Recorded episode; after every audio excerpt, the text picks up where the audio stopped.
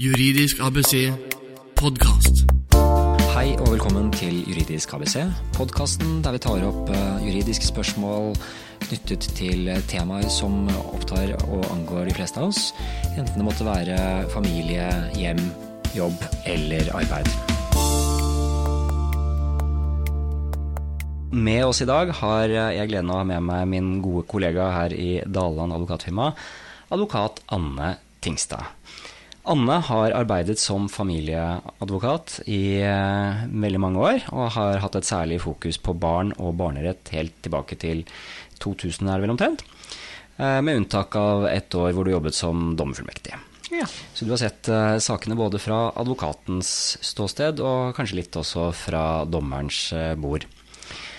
Fra 2011 har Anne vært eh, partner her i, eh, i Dalland, som sagt. Og hun er eh, svært aktiv barneadvokat som ukentlig går i retten og i forhandlinger der hun bistår mor eller far i forbindelse med barnefordelingssaker. Og med sin omfattende kunnskap og erfaring på området og sin klare og sterke personlighet vet jeg ikke om noen som kunne vært bedre eh, enn Anne til å fortelle oss om dette spennende og viktige temaet, nemlig barnefordeling. Så eh, hei, Anne, og takk for at du ville være med oss her i dag. Takk for det. Veldig hyggelig å få komme og få være med. Bra. Da skal vi straks eh, dykke ned i barnefordelingen. Eh, Men først kan du kanskje si noe om barnefordeling og barnefordelingssaker sånn helt generelt. Er det et område med mange konflikter, eller er det et område hvor man stort sett eh, finner gode løsninger? Det er litt vanskelig for meg å svare på, fordi jeg ser jo bare de sakene hvor man ikke, man ikke så lett kommer til enighet. Men når det er sagt, så har vi jo et system i Norge som er lagt opp til at man forsøker å finne løsninger gjennom en rettsprosess. Um, mange syns nok at det er skummelt å tenke på at man skal ta ut en stevning og møte retten for å finne løsninger om barn, men, men disse prosessene er jo lagt opp som en slags sånn, en, en veldig lang og, sjenerøs meglingsprosess i domstolen.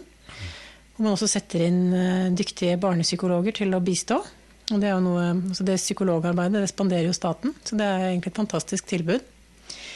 Og det er jo bare i de aller færreste saker at, at saken ender med en hovedforhandling og en dom.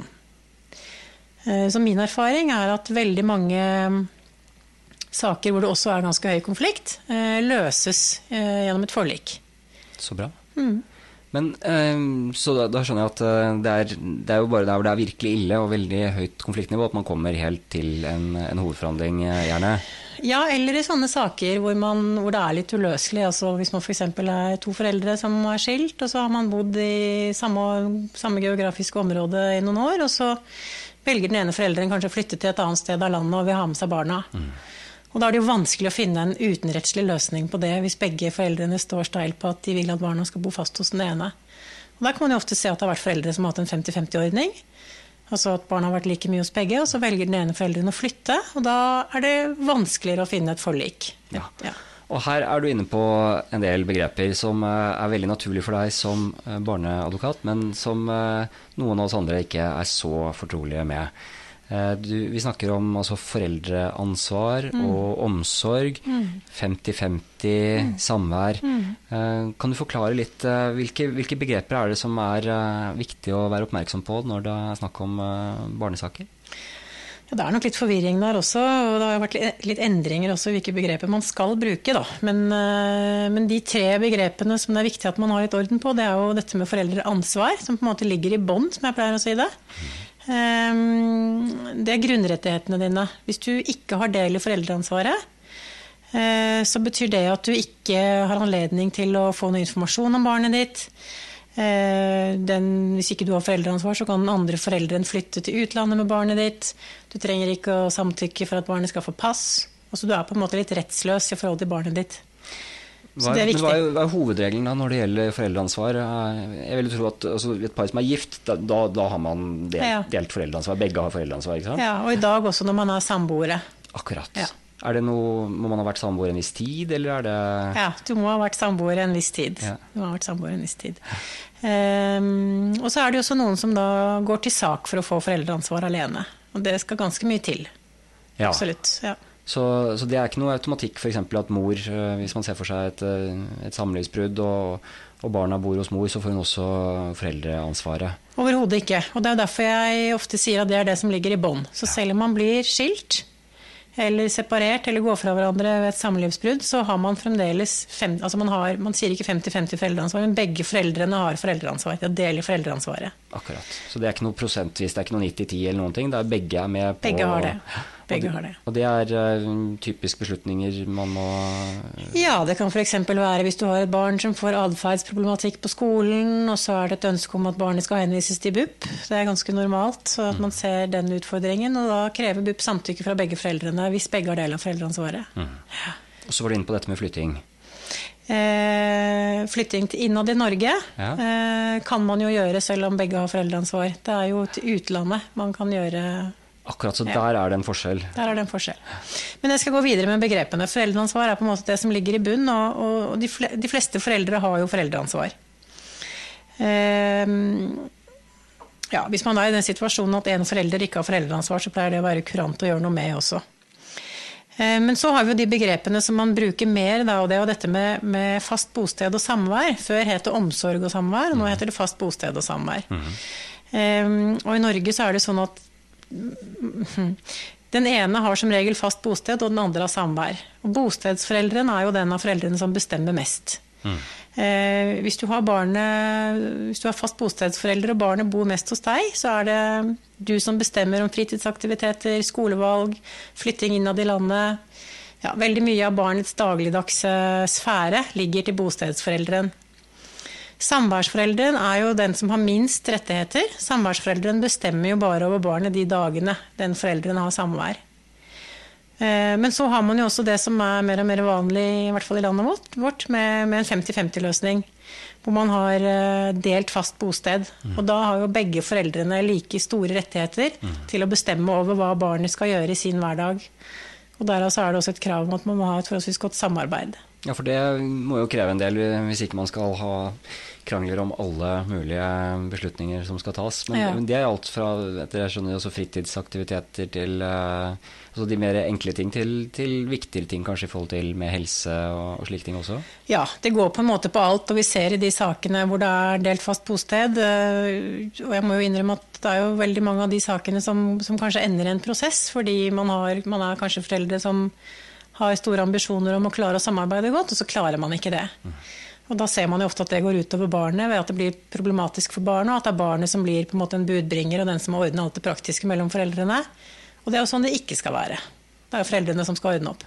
Så, du- så du opplever at uh, en del barn uh, kommer litt uh, hva skal jeg si, mellom barken og veden i, i de situasjonene, eller er det Ja, det er jo vanskelig å si noe generelt også, men, men jeg er vel kanskje av de advokatene som er i hvert fall litt tilbakeholden med å, med å tilråde 50-50. Det er klart man har noen foreldre som, som går fra hverandre med, med veldig avklarte forutsetninger. Eh, Det har ikke skjedd noe vondt eller noe vanskelig, sånn at de på en måte er helt overbevist om at de skal klare å dele barna i to. Da, altså dele det helt likt. Men i nesten alle de sakene jeg ser, så, så er det vanskelig for en av foreldrene. Det er vanskelig på en måte å gå videre og skulle dele barna i midten. Og veldig ofte så ser jeg jo at eh, den ene har strukket seg litt og samtykket til en 50-50-ordning. Og så gjør man det et år eller to, og så ser man at konflikten ikke roer seg, og at det blir slitsomt for barnet. Og så havner den saken i prosess allikevel. Det ser jeg ganske mye av. Og eh, Prosess vet jeg det er et stort område, og det er, eh, det er veldig spesielle regler eh, i forbindelse med barnefordelingssaker som havner i retten. og Det burde vel egentlig vært en eh, egen episode, men kan du bare gi sånn kort sånn overblikk i forhold til eh, hva, hva som skjer i forbindelse med en barnefordelingssak hvis man ikke får til en, eh, en privat avtale, eller, eller man har en avtale som, som havarerer på et eller annet tidspunkt? I starten så ser den ut som en veldig vanlig sivil sak. altså Man går til en advokat fortrinnsvis, og det tas ut en stevning, og det skrives et tilsvar, og, og det ligner på en nabotvist eller en annen slags tvist mellom to parter. Eh, Det som skiller barnesakene, fra, som skiller barnesakene fra andre sivile saker, er jo denne meglingsprosessen. Det vil si at en, en barnesak eh, begynner jo med et rettsmøte, hvor det også i nesten alle tilfeller møter en barnefaglig psykolog, altså en med spesialkompetanse innen barnerett. En sakkyndig som kommer inn? En sakkyndig, ja, som oppnevnes av retten. Og så starter man da prosessen rett og slett med et møte. Det er ikke en rettssak preget uh, affære, men det er mer et møte. Hvor man diskuterer sakens forskjellige sider, og den sakkyndige settes inn i, inn i, saken. Og så starter den sakkyndige psykologen et arbeid hvor hun treffer foreldrene, hun treffer barna, han eller hun kan snakke med skole, helsesøster, barnehage. Og så møtes man på nytt, og så ser man litt av hva man har. Og ser om man kan komme noe videre med en, med en frivillig avtale. Og denne prosessen kan pågå lenge. Altså Vi kan holde på med dette et års tid hvis man ser at det er mulighet for å komme frem til en enighet. Og Grunnen til at man gjør det, er jo fordi man tenker at for de fleste foreldre så er det bedre å Altså det er lettere å leve videre med en avgjørelse man har litt innflytelse på selv, enn å få en dom tredd nedover hodet. Mm. Men så er det selvfølgelig også tilfeller hvor man tenker at her er det bedre å få en hovedforhandling og en dom, fordi foreldrene er som hund og katt. Og det går utover barna. Mm.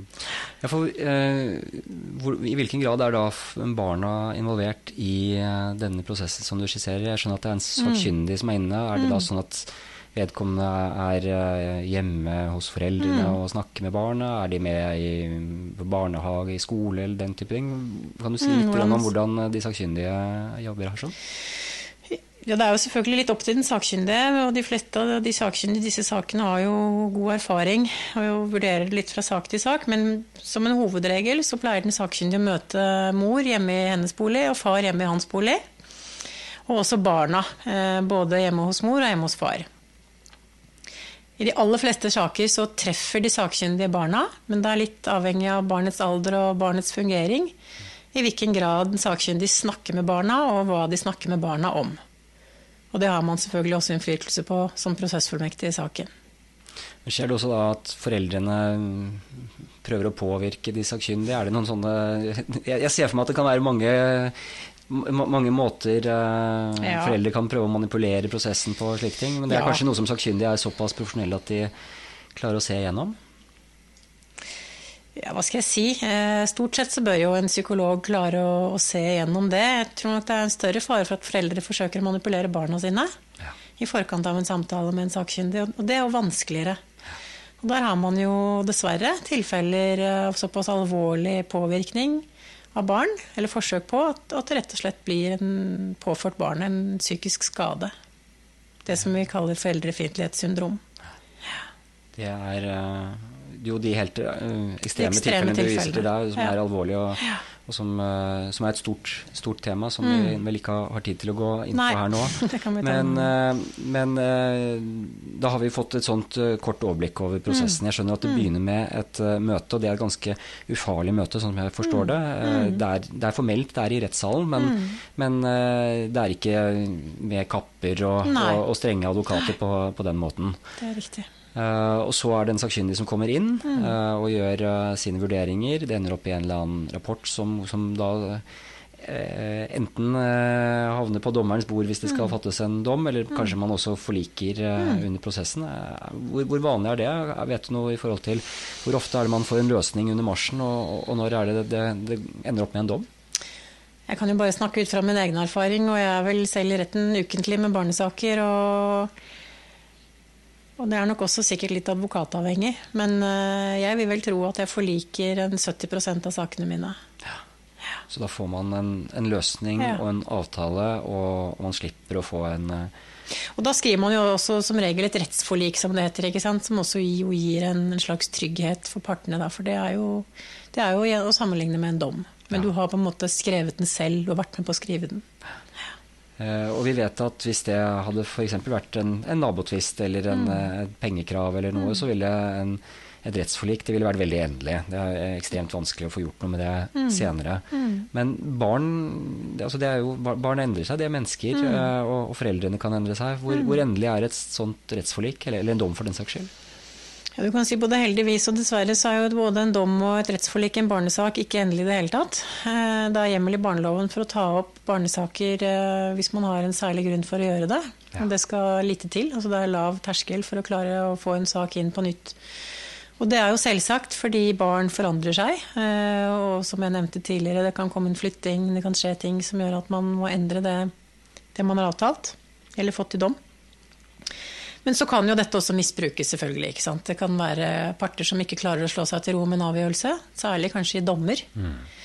Eh, hvor man har en dom man er misfornøyd med, og så tar man disse sakene opp igjen og opp igjen. Og da tillater domstolen at det skjer kanskje en gang, kanskje to. Eh, men så blir det vanskeligere og vanskeligere å få en prosess opp igjen. Det er i hvert fall bra det ligger en eh, viss begrensning i det, selv om jeg skjønner at det, det å få opp sak nummer to, det er eh, Det er kurant. Og det er klart, ja, det er den, i den grad det virkelig foreligger en særlig grunn, så får man saken opp igjen. Mm. Men i de tilfellene hvor vi ser at dette nærmest er trakassering, så, så settes det jo til slutt en strek. Ja. Ja. Juridisk ABC podkast. Jeg har lært masse nå om eh, hovedtrekkene i forhold til barnefordelingssaker. Eh, og så vet jeg jo at du har eh, mye praktisk erfaring, som du er inne på her selv også. Kan du dele noen gode tips med oss i forhold til hva en forelder som kommer opp i en slik situasjon bør gjøre, og kanskje også si noe om hva man ikke bør gjøre, eller noen fallgruver? Ja. Det ganske enkle råd, det, altså, men jeg tror de er viktige. Um, Jeg tror man skal være lite redd for å søke litt råd. Uh, I, altså når man befinner seg selv i diskusjonen med ektefellen eller samboeren sin om hvordan vi skal løse dette, så er det veldig mye som skjer. Det stormer rundt en, det er ofte en skifteproblematikk, det er penger, hvor skal man bo, hva skjer? Søk litt råd. altså ta, ta, Ikke mer enn en time som er påkrevet, men søk litt råd hos en som kan noe om det, for å få litt trygghet på, på hvilke fallgruver du kan gå i. Og da kommer jo også det med fallgruve. Ikke, ikke gå inn på barnefordelingsavtaler som du er ukomfortabel med. Nei. For da blir det som regel til en ny prosess om et år eller to allikevel, som blir en merbelastning. For det ser du i praksis, at uh, klienter kommer til deg og de har, sier 'jeg inngikk denne avtalen, og Ja. jeg angrer'. Ja, og der ser jeg nok særlig dette med 50-50-avtaler. Akkurat. At man ikke får til det. Og det er litt skummelt å si det, for det er klart i den grad foreldrene får til 50-50-avtaler, så er det fantastisk. Så jeg skal ikke forsøke å hindre det, men, men hvis du vet at her vi er ikke to foreldre som kommer til å klare et sånt samarbeid, så vil det være bedre for alle å på en måte innse det med en gang. Og så skrive og få til en avtale som, som kan fungere fra dag én. Så vær realistisk. eh, Kanskje ta med seg gode og dårlige erfaringer fra det samlivet som har variert. Eh, Tenk nøye gjennom eh, hvordan dette faktisk eh, kan eller ikke kan fungere, er, eh, er det jeg hører at du sier da. Ja, og søk råd. Søk litt rådgivning, og veldig mange etter hvert velger å ha med seg, litt sånn som hos legen, ta med deg en venn. Altså det å ha med seg en familiemedlem eller en venn til et sånt møte, sånn at man er fire ører som får litt råd istedenfor to, kan nok også være veldig nyttig. Perfekt. Tusen takk for det. Takk for mange gode råd som eh, jeg er helt sikker på at eh, jeg i hvert fall har satt stor pris på selv, og jeg håper at eh, de som hører på også har hatt glede av det. Så håper jeg at vi kan ha med deg med også en annen gang her på Juridisk ABC podkast. Så takk for at du ville komme. Veldig hyggelig å være her, og takk selv. Du har hørt Juridisk ABC podkast. For mer informasjon om dagens tema, se juridiskabc.no. Her finner du flere podkaster og artikler innen arbeidsrett, eiendomsrett, familierett og temaer for deg som driver egen virksomhet. Meld deg på vårt nyhetsbrev på juridiskabc.no.